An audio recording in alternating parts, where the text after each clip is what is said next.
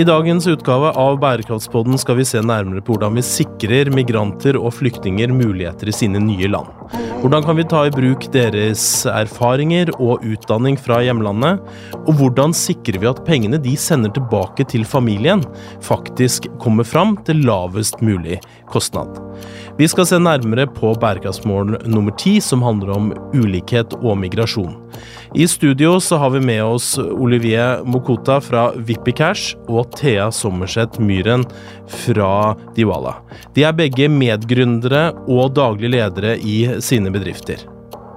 Mitt navn er Kim Gabrielli, og jeg er assisterende generalsekretær i UNICEF Norge. Vårt oppdrag er at hvert eneste barn skal overleve, vokse opp og få sine rettigheter innfridd.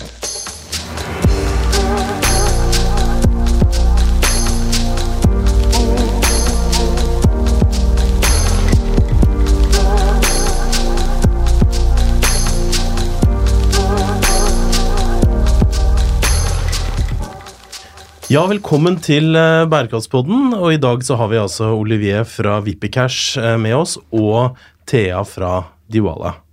Vi pleier å gjøre det sånn at først så skal vi snakke litt om eh, hvem dere er. Og så skal vi komme litt mer inn på bærekraftsmålet etter hvert. Som dere har hørt i altså innledninga, så er det da målet om nummer ti, altså om ulikhet og migrasjon, vi skal snakke om. Mm. Og grunnen til at dagens episode kommer litt seinere enn forrige uke, er at jeg har sjøl vært i Colombia. Og der har, vi da, har jeg jo sett hvordan, hvilken innvirkning én million venezuelanere får på et lokalsamfunn. I, altså i de byene som er mest berørt da, mm. av, av, strømmen. For det er virkelig en strøm. Det er én million venezuelanere som har kommet til Colombia nå den siste, siste perioden. Men det kan vi snakke litt mer om. Eh, jeg lurer på, Thea, har du lyst til å starte litt, fortelle hvem altså Diwala, det høres jo veldig flott ut, men uh, gir ikke nødvendigvis så mye mening for, for en norsktalende person, kanskje med første, uh, første øyekast. Kan ikke Nei. du si litt om deg sjøl og hvor du jobber, og så kan Olivier komme inn etter hvert? Jo, uh, selvfølgelig. først og fremst tusen takk for å være her. Veldig hyggelig. Um, så Thea heter jeg. Har er daglig leder og medgründer av et selskap som heter Divala. Eh, det, det, som definerer meg, kanskje, er at jeg er ganske kulturelt forvirret. Jeg har bodd i ni forskjellige land over åtte år. Som en del av det så begynte jeg å jobbe i forhold til internasjonal utvikling.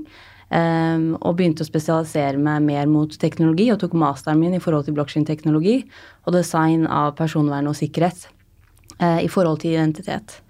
Uh, så det som jeg gjør, er at vi bygger da et selskap som fokuserer på ferdighetsidentitet.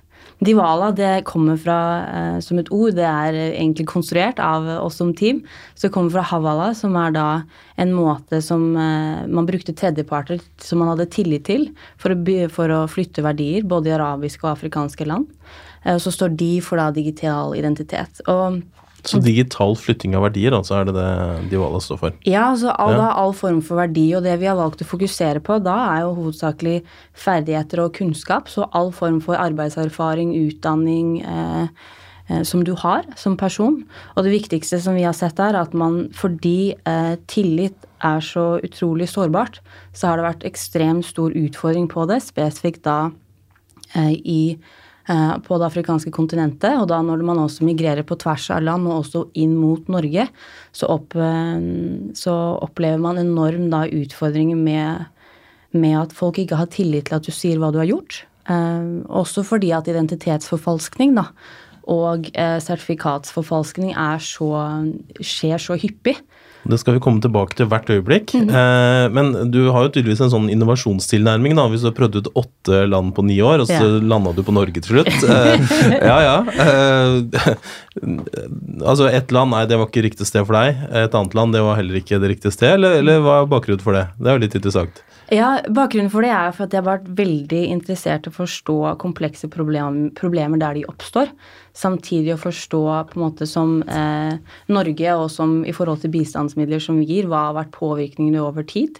Hvordan, eh, Hva skjer lokalt, og hva står i tekstboka? Mm. Så det jeg har gjort, er at jeg på en måte har studert hele veien eh, med tilknytning til Norsk universitet. Og så har jeg enten startet eller da vært en del av både eh, bistandsprosjekter eller egne selvstående prosjekter lokalt for å forstå liksom da hva er det vi faktisk snakker om, hva er kompleksiteten rundt det, og hvordan påvirker det folk lokalt, da. Eh, så veldig, bare veldig interessert i å grave, forstå det, og, så, og da skape muligheter. Eh, som hvor man jobber med samarbeid og skal opprette godt samarbeid sammen. Ja, Vi skal jo komme litt tilbake til det, selvfølgelig, men det å utvikle med brukeren er jo et, eh, et veiledende prinsipp. Selvfølgelig all innovasjonstankegang, også mm. UNCEF sine uh, innovasjonsprinsipper. Mm. Men før vi kommer tilbake til det, så Olivier, du, du er da også medgründer og daglig leder. Så her to med lange titler i studio da. ja, det stemmer. Uh, ja, uh, om meg selv og VipiCash. Uh, kjapt om VipiCash er Dette er en produkt som kommer ut fra personlig erfaring. Hvor man ofte Folk sender penger hjem. og så har man funnet ut at alt av pengene man sender, ikke alt som kommer frem. Og da var det da vi kom på konseptet VipiCash, som da i navnet selv Vippi betyr uh, hva skjer. Uh, så hvis jeg sier VipiCash, det er liksom som hvor har blitt pengene? Hva skjer med pengene? Men Vippi på hvilket språk da? På swahili. På swahili, ja. ok. Så nå har vi liksom arabisk og swahili i Nei, dette er lovende. Det stemmer. Uh, ja, og, og, grunnen til at det er swahili, at jeg er opprinnelig fra Kongo. Og der er både swahili, fransk og lingala som de tre uh, mest kjente språk i landet. Uh, og uh, i tillegg til at jeg har bodd i Malawi, i en flyktningleir der. Så da har jeg vokst opp med folk som er fra Kenya, Somalia, Rwanda, Burundi, og vi hadde et felles språk da, som var swahili. Og da var det naturlig for selvfølgelig, når jeg var med som medgrunner, at det kom fort at Vippi være eh, et, et, ord som alle var enige om. For at ofte når man sender penger, er man lurer på hva er det som har skjedd med pengene mine. Og det er på en måte begynnelsen av VipCash. Mm. Uh, ja. Mm.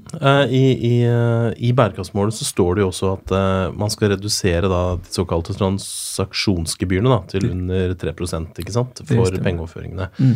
Uh, og det, det, kan være fint at vi snakker litt om uh, bærekraftsmål nummer ti også, for det heter jo 'bekjempe ulikhet', men uh, vi skal jo da konsentrere oss om de av delmålene som går mer på migrasjon og sosial mobilitet mm. i, det, i, en, i, en, vanskelig situasjon for mange. Mm. Og vi har jo valgt å ha fokus på litt mer sånn konkrete løsninger, da, for ofte så havner jo i diskusjonen om, om antall kvoteflyktninger, eh, hvem som er det på en måte i anførselstegn de riktige eller de gode innvandrerne, mm. eller de som trenger mest hjelp, ikke sant. Altså den, og den diskusjonen kommer vi litt inn på, men vi skal først og fremst da ha være praktiske og, og, se på hvilke løsninger er det næringslivet da, og, og um, i samarbeid også med, med, større aktører kan bidra til uh, å ja, sørge for Det det handler om, er jo da å um, liksom Du sa noe med identitet, uh, Thea. Og så skal, vi, så skal snakke både om det å beholde identiteten sin på et vis gjennom migrasjonsløpet, mm. og det om å overføre penger når man da har kommet Eh, til et nytt eh, land, da, eh, og da overføre penger til det landet man kom fra. Mm. Så det er liksom de to tingene, og det er to av delmålene går jo akkurat på det her. Mm. Um, kan ikke du si litt først om, uh, om identitets... Hva er poenget, liksom? Uh, Blockchain og blokkjede altså, Vi må forklare lytterne litt hva dette er. Ja. Det er jo et ord som alle kaster rundt seg med seg om nå, da, blockchain. Mm. Men det er jo det er mange som ikke vet hva det er. Nei. Uh, ja. jeg, kan, jeg, kan, begynne litt i forhold til identitet. Uh, jeg tror det er veldig viktig å forstå at på en måte som norsk statsborger, som jeg da er, så har jeg et enormt privilegium ved norsk pass. Fordi det, alle har tillit til det passet hvor enn jeg går. Og det er på en måte et første privilegium som man må være klar over i forhold til at som veldig mange mennesker, andre mennesker da ikke har, pga. at det finnes fordommer mot det landet du kommer fra, mm. som du ikke har noen kontroll over. Um, og identitet for oss, det handler om på en måte verdighet. Det handler om verdigheten av på en måte du har gjort noe, du har jobbet hardt, du har på en måte Du skal ha like muligheter og sørge for at den eh, hva, du, hva, du, vil og de drømmene du har, eh, skal komme frem da, som person. Og at måte det, eh, det er ingen grunn til at det skal være noe mistillit på tvers av uavhengig hvor man kommer fra. i forhold til identitet. Så det er en veldig, veldig viktig poeng også i forhold til da, som da går inn på også da nå datasikkerhet. da. Fordi at vi nå, eh, spesifikt i forhold til identitet og mengden data som finnes ute om oss, så har vi enorm lite kontroll. Mm. Og det er jo der på en måte blokkjedeteknologi kommer inn på en annen måte, fordi det som det handler om hovedsakelig i forhold til eh, blokkjede og identitet, det er om at du først og fremst skal ha eierskap til egen informasjon. Og det vil si at eh, sånn som systemet fungerer i dag, så har vi lite kontroll over hvem som har hvilken informasjon på oss. Men det betyr at eh, det dere sier, eller det du sier nå, da, er at det er ikke nødvendigvis sånn at identitet henger sammen med statsborgerskap. Uh, jeg, jeg har akkurat sett at Nordisk råd uh, har de skulle foreslått et uh, e-identitet, fordi det blir vanskelig å ha et nordisk statsborgerskap. på en måte. Mm. så hva er egentlig forskjellen på statsborgerskap og identitet? For det, ja, altså, jeg, jeg, jeg, tror det er litt mer med at til syvende og sist så veit alle hvor man kommer fra. Og uh, du er jo Du kommer fra et eller annet land som folk har litt solide. Altså for, for, for, min, for, min, uh, for, min, egen del så er det mye mer med at uh, selv om jeg er et norsk pass, så fortsatt blir jeg jo stilt et spørsmål på men hvor er det du kommer fra. Så det, det hjelper ikke med, med, om jeg at Det er ikke nok med at jeg har norsk pass.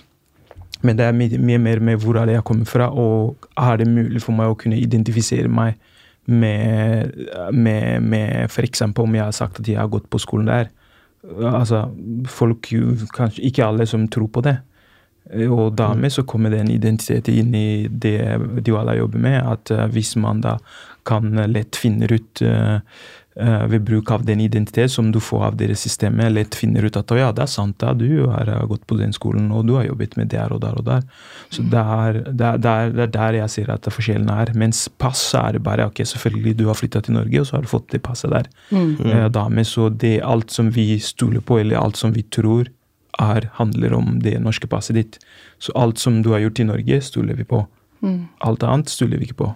Mm. Og dette er jo et viktig poeng, og så er det jo eh, utrolig hvor, eh, hvor lett folk tar på dette med eh, om det er hudfarge eller om det er etternavn. Altså jeg får jo også hele tida spørsmål om hvor mine foreldre er fra, eller hvor jeg er fra, fordi jeg har et italiensk og et uh, spansk etternavn. Mm. Uh, og jeg skjønner, jeg har fortsatt ikke skjønt hvorfor ikke folk kan spørre er du fra Oslo, istedenfor å spørre er du fra Norge.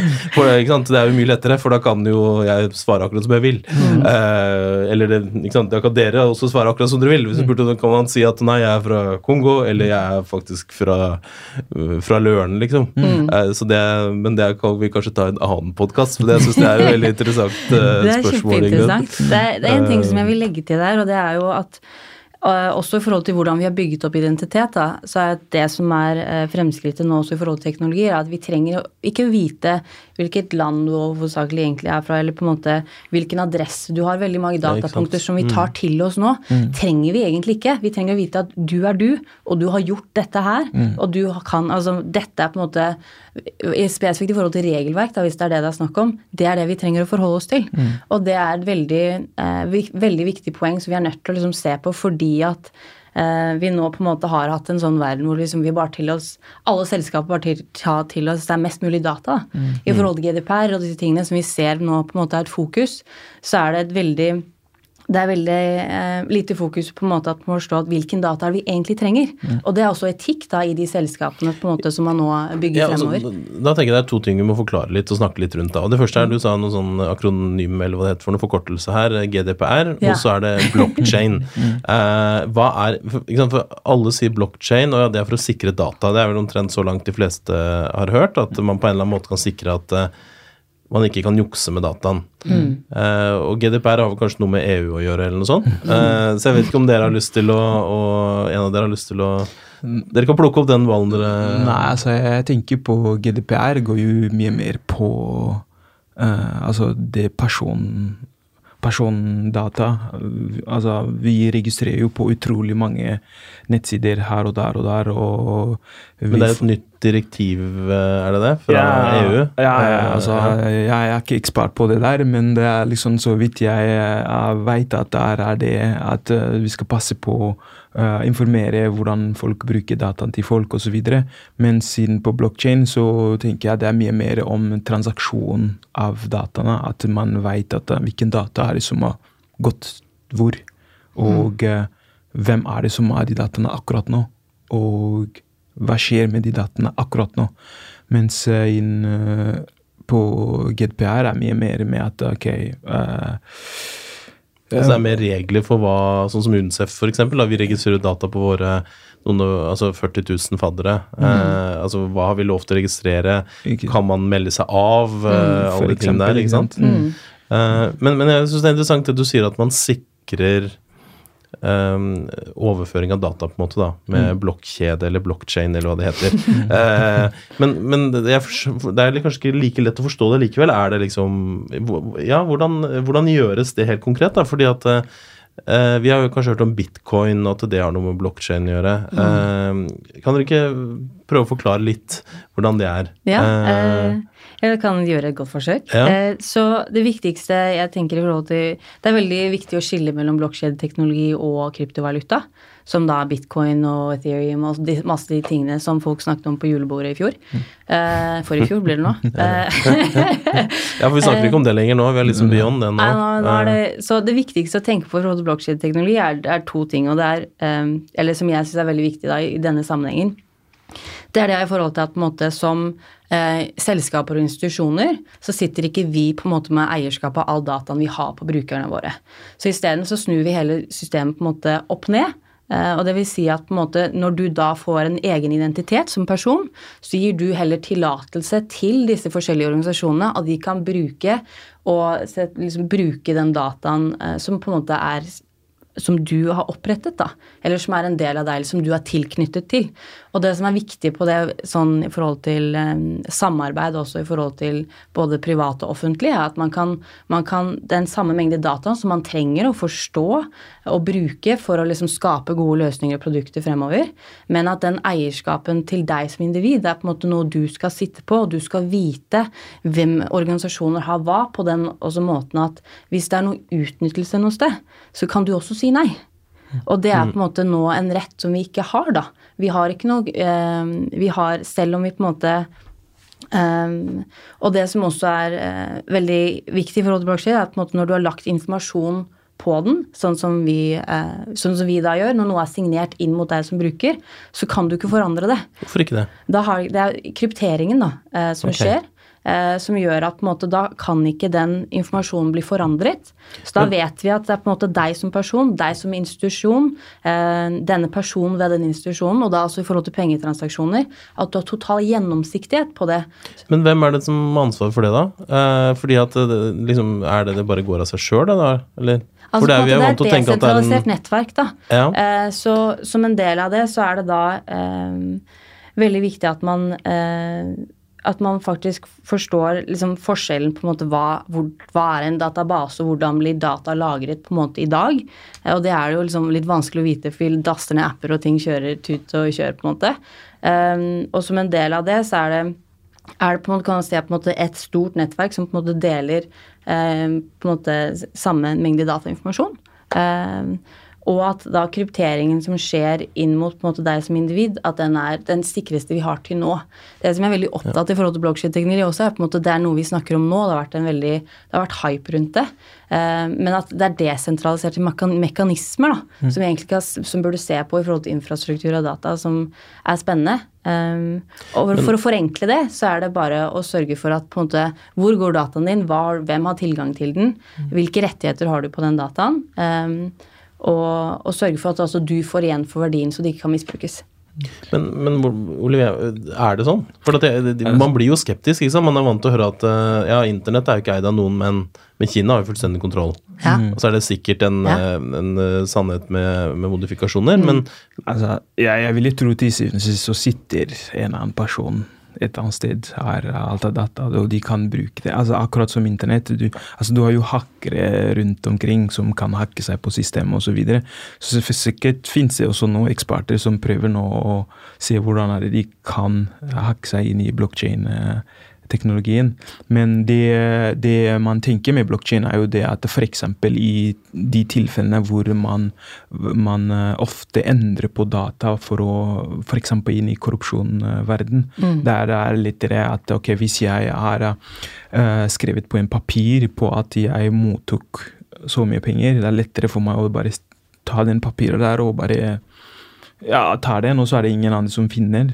Og da Altså er etterlater ikke noe spor, på en måte? Det er ikke noe Mm. spor, men eh, i blokkjeden så er det et spor. Det er, altså, her er det et nettverk med, med, med stasjoner som, som alle har godkjent den transaksjonen. Alle Ja. vet at den transaksjonen var blå, Ja. og hvorfor er den plutselig rød?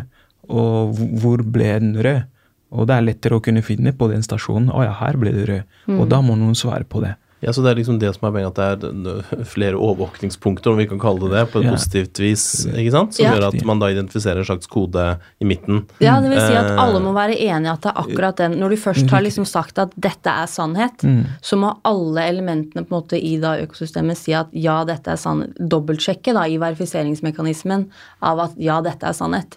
Eh, Men nå så har vi, har vi ikke det, så i en sentralisert database så kan du gå inn og endre noe uten at måte du har tilgang eller gjennomsiktighet på det. da, på samme måte. Og så har du også en større utfordring i forhold til at du har ett punkt som du kan på en måte tacke i forhold til hacking f.eks. eksempel, Um, som gjør det mye, mye vanskeligere, da. Ja, ikke sant. Um, altså, men da har vi brukt litt tid på, på blokkjede. eller blokkjede. Ja. Eh, hvorfor altså, La oss da ta de to områdene vi sagt skal snakke om. Altså, dette med sosial mobilitet og det å da beholde eh, ja, erfaringer fra hjemlandet eller utdanning fra hjemlandet. Mm. det er selvfølgelig ingen garanti for at den utdannelsen blir godkjent i Norge f.eks., men det er jo i hvert fall et første steg på veien. Mm. Kanskje vi skal snakke Hvorfor er dette så viktig, eh, egentlig? Mm. ja. Hvorfor er det viktig å få med seg erfaringene sine? Eh, dette vet jo, du antageligvis ganske mye om, Olivier, også. Altså, det, det er viktig fordi det er en del av eh, deg som person. Så er når du blir født, det er ikke sånn at du du Hvis du kommer på en viss alder, er ikke sånn at du ikke har noe brukt for alt det du har lært. Fram til du kommer, si du har blitt ok, 30, eh, og det er ikke sånn at eh, det er ikke så viktig å ha med det du har lært når du var eh, fem år på skolen. Det er derfor Vi går jo på skolen for å, å lære oss og ta med oss det vi lærer. Og dermed erfaringene som man har, er veldig viktig å ha med. For at man veit aldri um, hva du kommer borti. Og særlig nå i f.eks. jobbsammenheng. Det er folk, øh, det er folk som øh, vil jobbe, mm, og kanskje ikke er av den kompetanse som øh, trengs til en viss jobb, men erfaringer kan kompenseres med kompetanse. Og hvis du da har f.eks. en mor En mor uh, veit godt hvor øh, å passe på barn. Eh, Å få jobb i barnehage for eksempel, vil jo være for meg vil jo være Ok, du har kjempeerfaring, du har jo passa på barnet. Om du har hatt tre barn, det er eh, god nok erfaring. Men hvis da eh, ikke noen stoler på den erfaringen din, basert på en annen idé altså du rett og slett har funnet det på selv? Altså, Ja, ja. Vi har jo hørt om til og med ledere av store norske selskaper som har litt, eh, litt annen holdning til dette med Uh, men hva har man egentlig gjort? Og hva, altså, hva er realiteten av det man har prestert, da? Ja. Og hvilke utdanninger man har? Mm. Um, for, for det, det du sier, ikke sant, det med mor uh, Hvorfor driver vi med denne podkasten? Det er jo av at vi, vi ønsker å finne konkrete løsninger for å levere på bærekraftsmålene for barna først og fremst, og deres foreldre. Um, og en flyktningsituasjon eller migrasjonssituasjon er jo enormt påkjenning for, for barn, men selvfølgelig for voksne også. Eh, og vi har, nå er vi Hvis vi ser på antall kriger og konflikter i verden, så har ikke det tallet vært høyere enn Altså, det er det høyeste antall kriger og konflikter vi har hatt på, på mange uh, tiår nå. Eh, og vi må tilbake på 90-tallet for å se like uh, mange konflikter. Og Syria-konflikten, der bor det, bor det ganske mange mennesker. ikke sant? Så det, I sammenligning med andre mindre kriger, for, for så vidt. Så, så dette er jo en, en kjempeutfordring. Og i Syria så er det jo veldig mange som hadde høyere utdanning, eller som har høyere utdanning, sammenligna med, med, med kriser vi kjenner fra, fra afrikanske land, f.eks. Hvor det selvfølgelig også er mennesker med høyere utdanning, men andelen har vært mye høyere i, eh, i Syria, da. Så jeg, jeg vet ikke, Kan dere fortelle litt om hvordan eller kanskje si litt om hvordan Divala da gjør dette konkret. For, for det, vi, lurer jo da Jeg tror vi alle lurer litt på eh, Ok, da har man teknologien, og så eh, legger eh, en flyktning eller en migrant da ut på, på tur gjennom Europa. Eh, hvordan sikrer man da at den personen er den samme? Altså Det eneste jeg har hørt, er at liksom WhatsApp, den identiteten, den følger deg uansett, i motsetning til mobiltelefonnummeret. Så uh, ja, uh, Thea, kanskje du vil uh, Forklare oss litt hvordan dette fungerer, og hvorfor det, hvilken effekt det gir i Norge, da, hvis vi kan ta Norge som et eksempel. For du Ja. har sikkert noen eksempler på personer eller, som, som har vært gjennom den reisen sammen med dere. da. Ja. Uh, uh, vi har ikke fokusert så mye på, måte, på immigrasjon inn i Norge. Vi har først og fremst på måte migrasjon på tvers øst og vest spesifikt. Ja. Eh, i, på en måte da i Øst- og Vest-Afrika. ja, for, for det er kanskje flere som flytter seg den veien enn inn til Europa. Ja, altså, også det er jo også på den muligheten og, den, og kostnaden av å komme til Norge er veldig høy. Eh, så også i forhold til antall mennesker da, som det er snakk om. eh, Ja, for, unnskyld at jeg bryter deg, men nå må jeg bare si at det var, vel noe, det var jo stor krise i Europa når det var én million uh, migranter, skråstrek eh, flyktninger, som kom til Europa. Hele Europa. ja. Eh, nå har altså eh, Colombia altså mottatt den senere tida en million fra Venezuela. Vi ser omtrent det samme i land som, eh, som Jordan eh, og Libanon, hvor de, de er omtrent like store land som Norge da, i antall ja. befolkning, men de er mye mindre geografisk. Ja. Og de har jo tatt imot også opp mot en million Ja. flyktninger eh, fra Syria. Så, så den egentlige store utfordringen er ikke nødvendig Altså, en stor utfordring med, med en million eh, innvandrere til Europa, men, men det er like store utfordringer Overalt. mellom land i sør og øst eh, Ja. i verden. Ja, ja, Ja. Det, det må du jo Ja. spesifikt se. Nei, altså utfordringer Altså igjen, det er, jeg ville si at det er en annen eh, Altså hvordan se på det, hvordan folk ser på det, om det er utfordring eller om det er Om det er eh, Jeg vet ikke om det vi kaller det for utfordringer. For meg så blir det selvfølgelig det er en situasjon som oppstår. Og eh, om folk vil ha hjelp, og hvis folk har muligheten til å hjelpe dem, så vil jeg ikke sett på det som en utfordring når du hjelper noe. Det Bare, det er bare min eh, definisjon i forhold til eh, Fordi det er en migrasjon. Eh, det faktum er at Colombia klarer å ta imot eh, en million eh, flyktninger. Det er jo fordi at de tenker ok, disse trenger hjelp, og vi har kapasitet. Vi klarer å ta dem imot. Og først og fremst er jo det at jeg ikke tenk på det i, det i det hele tatt om kapasitet eller noe, men først og fremst ta dem, og så kan du begynne å kartlegge og si ok. Nå har trenger noe valg, rett og slett. ja, ja, vis, altså, du, ja. først og fremst trenger de sikkerheten. ikke sant? Du må sikre dem først. Og så kan du begynne å kartlegge om at ok, ok, nå dere er en million, la oss se nå hva vi kan gjøre med dere. Men igjen, eh, som jeg var inne på eh, i forhold til eh, jeg, jeg ga et eksempel i forhold til sin mor som har det. Så det er jo et eksempel jeg ga fordi at eh, i disse situasjoner det er ofte mødre som er med barnet. Som er Selvfølgelig du har eh, pappa eller eh, onkel eller noe sånt, som tenker, tenker sikkerhet. Det å kunne Hvordan er vi kommet oss ut derfra? Så er det en sånn typisk i de landene hvor, eh, hvor jeg kommer fra, så er det ofte eh, altså en mor som da vil har passa på barn hele den tiden, og da med først den erfaringen her, og når du skal da flytte i et land, og når man da tenker på å ja, nå skal vi ta imot folk som kommer inn eh, med barn. Jeg ville si at det viktigste aller viktigste man skal tenke på, er jo de barna og eh, kvinnene. Også og, hvordan ide, kunne identifisere de, eh, for at de har gjort ting som da eh, noen må enten hjelpe dem, slik at de kan gå videre med det, eller sette seg, eh, i et, sette seg i et nytt land. Uh, I det man vurderer, enten skal man gå tilbake, eller skal man bli her. Altså, det Ja, det er, det, altså det er mye. Det er mye med, med, med disse situasjonene at det fins ikke noen fasit. Men til syvende og sist, vil jeg ville si bare at det er en situasjon som oppstår, og det viktigste man skal alltid Eller for meg, da, hvis jeg var et land, ville jeg tenke på at jeg vil først og fremst sikre den personen, og så vil jeg begynne å eh, kartlegge og hva trenger den personen. Jeg kan, kan kanskje hoppe inn der i forhold til hva Så spesifikt, da. Så grunnen til at vi på en måte jobbet mot Uganda, f.eks., er på lik linje. De har over en million flyktninger i landet. De har hatt veldig åpen politikk for at folk skal kunne eh, reise som de vil, få på en måte få, en, eh, få land, få lov til å jobbe. Eh, og migrere ut og inn som de på en måte vil når de kommer til Uganda. Så det var på en måte prinsipper som vi også ville følge etter. at måte Når du ser, du ser dette som en ressurs, hvordan kan vi skape og sørge for at denne altså, en vanvittige ressursen kan være med på å hjelpe infrastrukturen i landet opp? sant? I forhold til barn, da, spesifikt da som barn og ungdom som eh, vokser opp måte, i forhold til en flyktningsammenheng, eller om, måte, om de migrerer inn mot Uganda, eh, så er det jo forholdet til at det, det, er både skole og utdanning og erfaringer som du, som du har med deg, som er verdifullt, men du har ingen evne til å vise frem at dette har skjedd.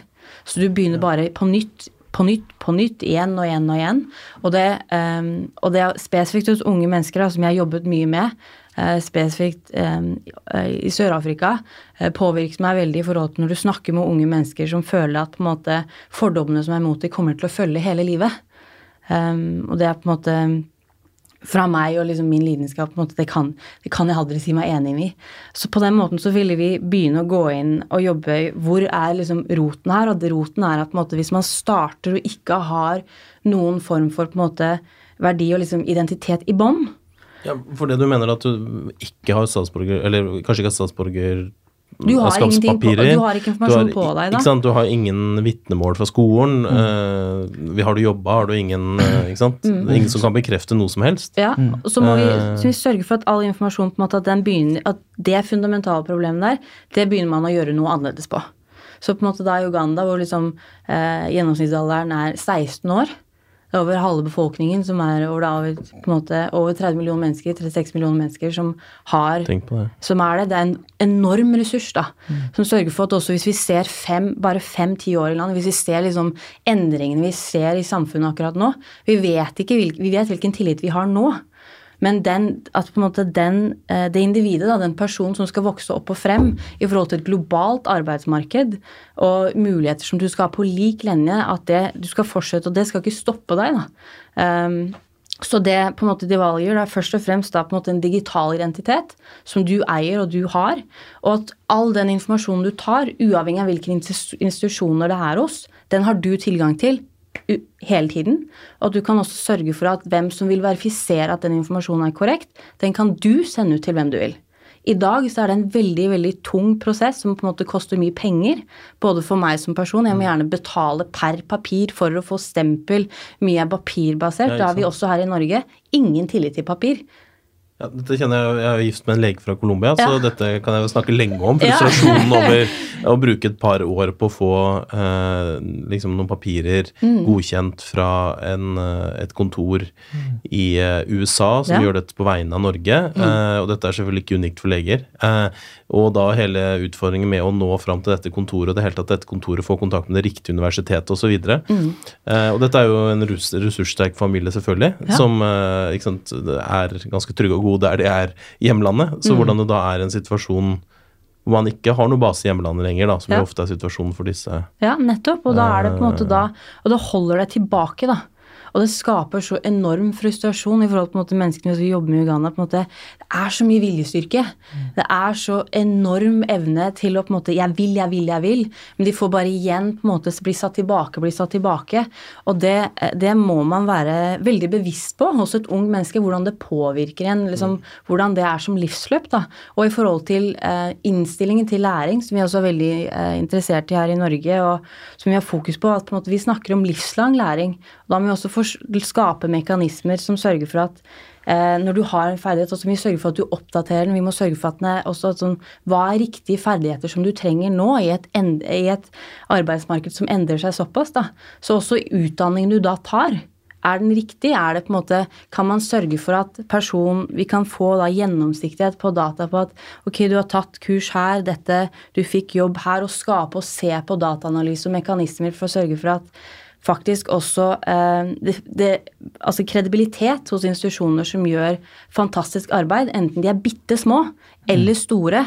Det er de som faktisk kommer opp og frem, istedenfor at kanskje det ligger mer hos eh, på byråkratiske systemer og det man liksom har sett på tidligere som på en måte verdifullt.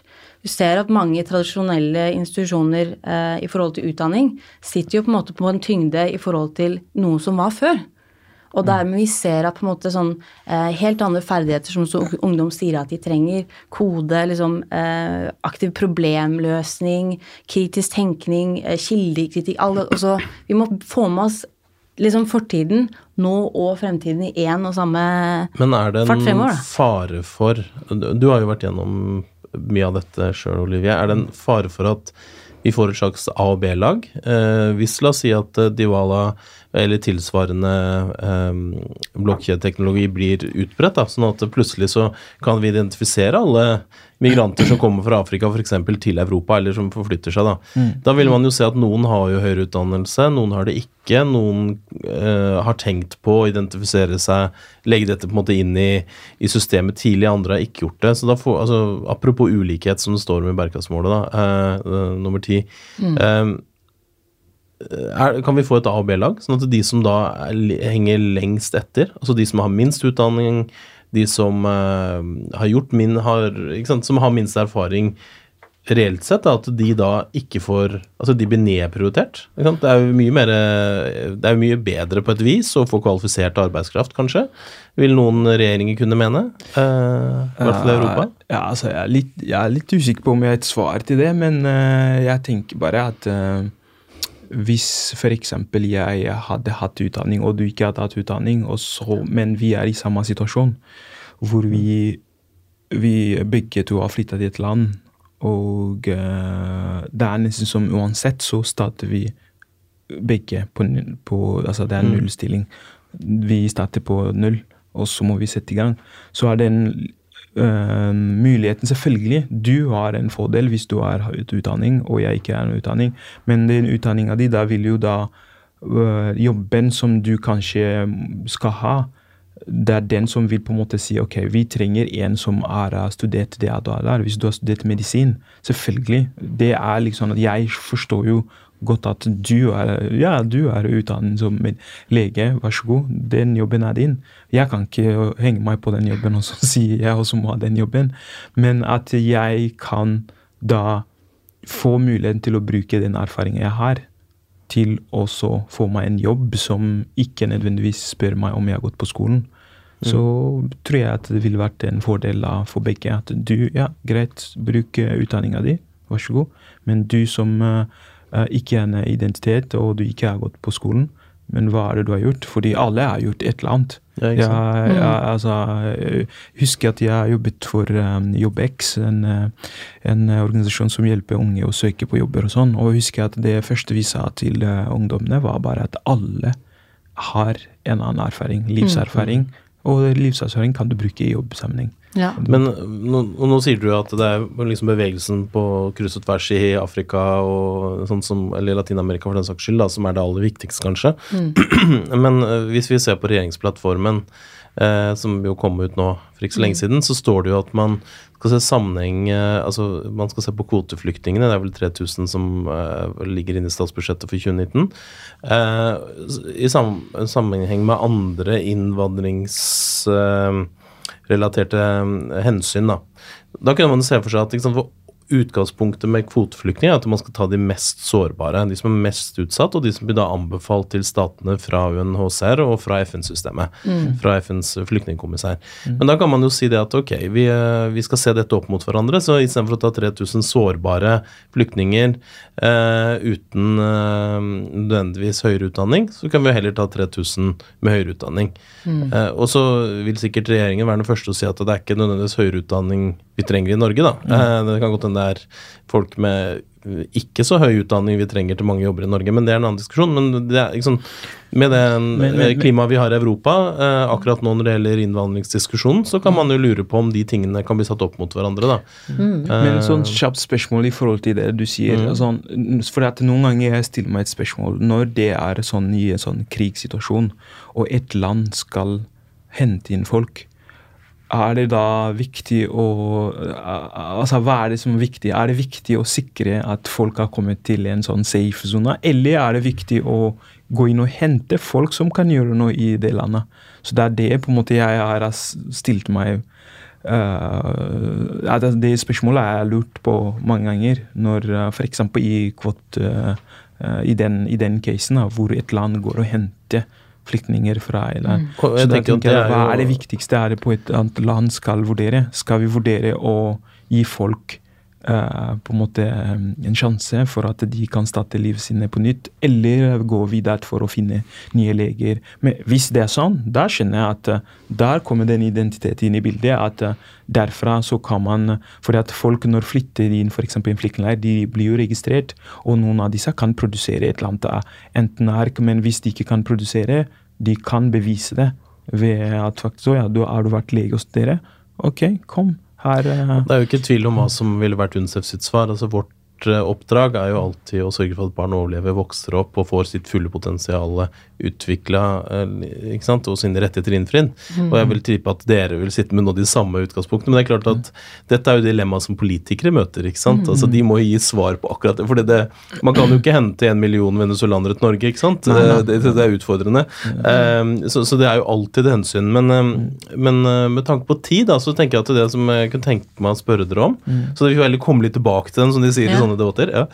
Um, men, men, det er et innebygd dilemma her, på en måte, da, ja. tenker jeg. Det, det skjønner jeg. Uh, men, men, jeg kunne tenke meg å spørre, for nå har vi jo snakka litt om, mm, om, uh, om Diwala, og så har vi hørt at uh, vi har ikke hørt så veldig mye om Vippicash ennå. Uh, ja. Kan du si litt om det? Jo, altså Vippicash er uh, en plattform som sørger for at pengene som blir sendt både i bistand, altså familiebistand eller bistand generelt, blir brukt som, uh, til formålet. Ja, Så det er både overføringer hjem til, fam til familien i det landet man kommer fra, uh, Riktig. men også bistand? Også bistand. for at vi fra statene? Også, ja, altså for at det er jo så mye penger som forsvinner da, i bistand. Uh, altså Norad deler ut ja, over 30 milliarder kroner hvert år, men det er ikke sikker på at alle de 30 milliarder går til riktige At det, det havner i riktige lommer, for å si sånn. Mm. Uh, og det er det vi, vi Pikachu jobber med, å sørge for at ok, hvis, dere, hvis du sendte 100 kroner for mat, og vi sørger for at den 100 kroner blir brukt til mat, og akkurat 100 kroner, ikke at uh, uh, det er brukt 70 kroner for mat. Og det er rett og slett det vi Pikachu er. Ja, og så er det vel I hvert fall det som slo meg da når jeg, når jeg leste om Hippiecash, var jo at nå er det vel omtrent tre ganger så mye penger som blir overført fra familiene til Altså fra, fra migranter hjem til sine familier, da, eller til familiene i det landet de kom, bodde i sist, eller mm. kommer fra, mm. um, som det er i global bistand. Så ja. det er vel det tre Det siste tallet jeg så, er vel rundt eh, tre 3700 milliarder eller noe sånt, og vi er litt over en uh, milliard i, i, internasjonal global bistand for alle aktører. Ja. Um, så det betyr jo at de pengeoverføringene, de er egentlig viktigere. De er, viktige, de er viktige. De er, eh, de er, altså de er eh, I mange afrikanske land så har de hatt veldig nytte av de pengene. For at det er, altså fattigdom er jo overalt, da. Men, men i landene som, så som eksempel vil jeg si Kongo, hvor ting ikke helt går, så folkene er avhengig av familien sine, som er i utlandet. Uh, vi, ellers så klarer de ikke å overleve, fordi at ting ikke helt er på i systemet. Og, da, så, og så ser du også i situasjoner hvor f.eks. det oppstår enten krig eller en annen uh, naturkatastrofe osv. Det er de, de, første pengene som kommer frem, eller mm. første hjelp som kommer fra, kommer fra diaspora. altså remittances som kommer fra familie til familie. Fordi at resten venter jo på en annen organisasjon som skal komme. Først og fremst skal de kartlegge, skal de gjøre det her og der. Og i en sånn situasjon man har jo ikke tid til å kartlegge. Så det første man gjør, er at å ja, du er en familie i utlandet. Mm. Og de, der tenker man ikke én, to, tre. Det første du hører, oi, nå er det et problem. Jeg må sende penger. Så sender du med en gang. Men hvordan, for nå, nå, har vi hørt både om Diwala og, og Vipikash, da, men og dette er jo enkeltstående gründervirksomhet, på en måte. Mm. Eh, for UNICEF så handler det selvfølgelig om å sette inn i altså Som, F, den, F, som tredje største FN-organisasjon, så er jo vårt oppdrag er jo å sørge for at eh, statene jobber med statene for at det etableres systemer som de tar i bruk over tid. Så ikke det er et mm. system som er gjort i tillegg, på en måte, så, sånn at du har to parallelle systemer. Mm. Eh, men, men, at det er et system som, som kan oppskalere, som vi pleier å si, da, fra et land til et annet. Går det bra i det landet, så kan man kanskje bruke det et annet land. Mm. Eh, og jeg vet jo at Canada, f.eks., og jeg tror Australia også, har, eh, har vel tatt i bruk eh, noe som ligner kanskje litt på Divala, Talent Beyond Borders. Mm. Som, men, men hvordan tenker dere? For at, eh, sant, hvis det blir noe som noen få mennesker driver med, Mm. og så får dere korrigere meg hvor mange mennesker det er som, driver, som bruker deres tjenester, men, Mm. men hvordan får vi det til å bli en systemisk tilnærming, da? Eh, det er litt kjedelig å være den som måtte si det, men, eh, men det er veldig, veldig viktig, selvfølgelig. Mm. Ikke? Hvis ikke staten tar dette i bruk, så eh, der hvor det er, i hvert fall der hvor det er en velfungerende stat, da, eh, til en viss grad, så så får vi liksom ikke omsatt det. Hva tenker du om det, Thea? For jeg, jeg tenker Det er et veldig veldig viktig poeng her. da. Mm. Eh, Så vi har åpnet med å ha veldig tidlig dialog med på en måte kunnskapsdepartementene og på en måte myndighetene i Uganda, de landene vi har vært og snakket med nå. Det er både Uganda, Kenya, Ghana som nå på en måte vi har fokus på. Um, som en del av det, og det som er interessant spesifikt, er at vi, må, vi har myndigheter, og vi må kjøre og prøve å skape tillit til myndighetene på en ny måte. Og myndighetene sånn som en verifikasjonsprosess. Og det vi prøver å gjøre der, er at vi åpner dialogen tidlig og sier at måte, dette er det vi jobber med, dette er det vi ønsker. Fordi som en del av det vi gjør nå, så er jo på en måte Divala den verifikasjonsmodellen som sier ja, vi jobber med um, dette universitetet, vi vet at dette er menneskene, fordi at måte, det er såpass lite ennå. Ut fra det så må det jo skalere, sånn som du sier, på måte på, på nasjonalt og globalt nivå. Og da må vi ha myndighetene å, og kjøre og samarbeid både måte, med private og offentlige aktører på, på måte, hvilke premisser må ligge til grunne for at uh, dette er på en måte, dette er nivåene, da. Dette er et universitet. Dette er på en måte voc uh, vocational training på norsk. Yrkesopplæring. Ja, flott, takk. Eh, Litt forvirrede kultur... ja, her. Eh, Eh, Og, det, og, og disse tingene som man sørger for at man også skaper ikke bare nasjonale måte, nivåer, men ting som man kan felles være også enige om. Ehm, og i forhold til liksom, å bygge det, systemene fremover, så eneste måten vi kan gjøre det på, er å, er å skape tidlig samarbeid. Gjøre det med, med faktiske på måte, prosjekter på bakkenivå og, og, og lære av de. Ehm, men også ha som jeg syns er veldig interessant eh, fokus på, sånn som vi snakket i forhold til både på en måte remittance og, og bistandspenger, er på en måte hvordan kan vi fasilitere sånn at det kommer fra bakken og opp istedenfor. Det er jo det som på en måte som er fokuset nå på digital strategi og eh, på en måte hos FN, hos FN også, på en måte hvordan kan vi snu dette opp ned og sørge for at eh, vi vet at eh, de basale behovene kan bli dekket, men at det går til individet først, og så slik at man har muligheten og valg selv, da. Mm. Svarte ikke så veldig på spørsmålet ditt der, men vi kan prøve å komme tilbake til det. Ja, altså dette er jo selvfølgelig vanskelig også. Altså, det skjønner vi. Så, så vi er jo i UNCEF alltid på utkikk etter samarbeidspartnere osv. på disse områdene. Eh, men, men nå er vi jo helt i startgropa av den teknologien, ikke Ja. sant. Mm. men nå går tida veldig fort da, dere. Så Olivier, jeg vet ikke om du også vil kommentere Ja, det litt? Ja, det det der som også Thea var inne på, at uh, det handler bare om et samarbeid. Tidlig Ja. samarbeid. Ja. Ta kontakt med, med, med, med organisasjoner eller eh, statlig institusjon som eh, man tror at kan ha nytte av dette her. Som for eksempel i Vipcash sin case ser vi på også at det er et verktøy som kan, også brukt, eh, kan bli brukt av staten her til å kunne ha en oversikt av ok, når vi sender bistand, hva er det som er mest, hva er det folk bruker penger på mest, slik at eh, neste gang vi går inn i et land, så vet vi at eh, det er dette her som folk trenger mest. Mm. Uh, ikke bare det, Godt men eksempel det der. For, at for eksempel, hvis man spør folk eh, og regjeringer i Afrika, så sier de, prioriterer de ofte utdanning Sånne spørreundersøkelser prioriterer utdanning over helse. Mens bistandsaktørene gir mer penger, har i hvert fall gjort det tradisjonelt de senere årene, Mm. mer penger i helse enn til utdanning. Akkurat det. Så det Eh. er, så med en sånn, sånn, sånn verktøy, så har du Da vet du altså, at, da vet du at ok, så mye penger gikk der. Vi ser fra dataen at så penger gikk til mat, eller penger gikk til her, og dermed så er så da, da er det lettere å kartlegge neste. Hva gjør vi? Eh, og så er det det der at um, f.eks. ikke bare samarbeid inn på det norske siden.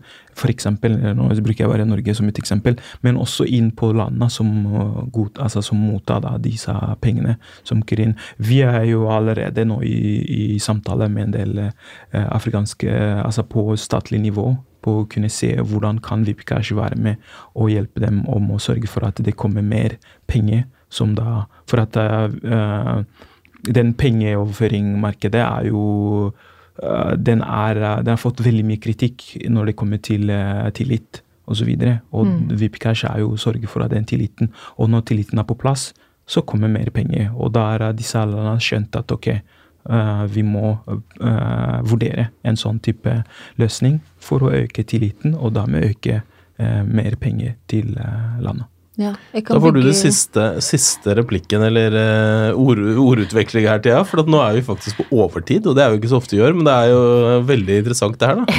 ja, jeg var på vei til å hoppe inn der allerede. Ja. Uh, det viktigste er vi bygger litt på det Olivier sier, og hva du sier, også i forhold til at sånn som vi har snakket og vært i dialog med på en måte med FN og bistandsorganisasjoner og sånt noe tidlig, er å forstå Dere sitter på enorm kunnskap.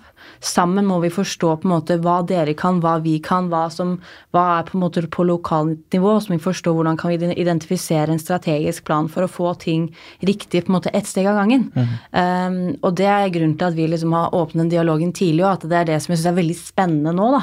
Så vil si at på en måte vi er i dialog, vi sitter i dette rommet, vi har på oss tøfler. Mm. Uh, og, det, og, ut av det så skaper man momentum og, og, inspirasjon, både i hverdagen, men også på en måte ok, hvordan skaper vi gode samarbeid fremover. Mm. Um, og det er kjempespennende, og det må vi fortsette å bygge på, fordi at det er, den, det, er det mangfoldet da, i perspektiv uh, som faktisk jeg tror gjør at vi klarer å skape uh, gode strategier også og framover, både kortsiktig og langsiktig. Og med det så er dagens eh, Bærekraftspodden ferdig. Eh, hvis du vil lære mer om UNCEF sitt arbeid og bærekraftsmål, så kan du gå inn på uncef.no slash bærekraft med æ. Eh, og hør gjerne på oss neste uke også. Takk for nå. Takk. Takk, takk.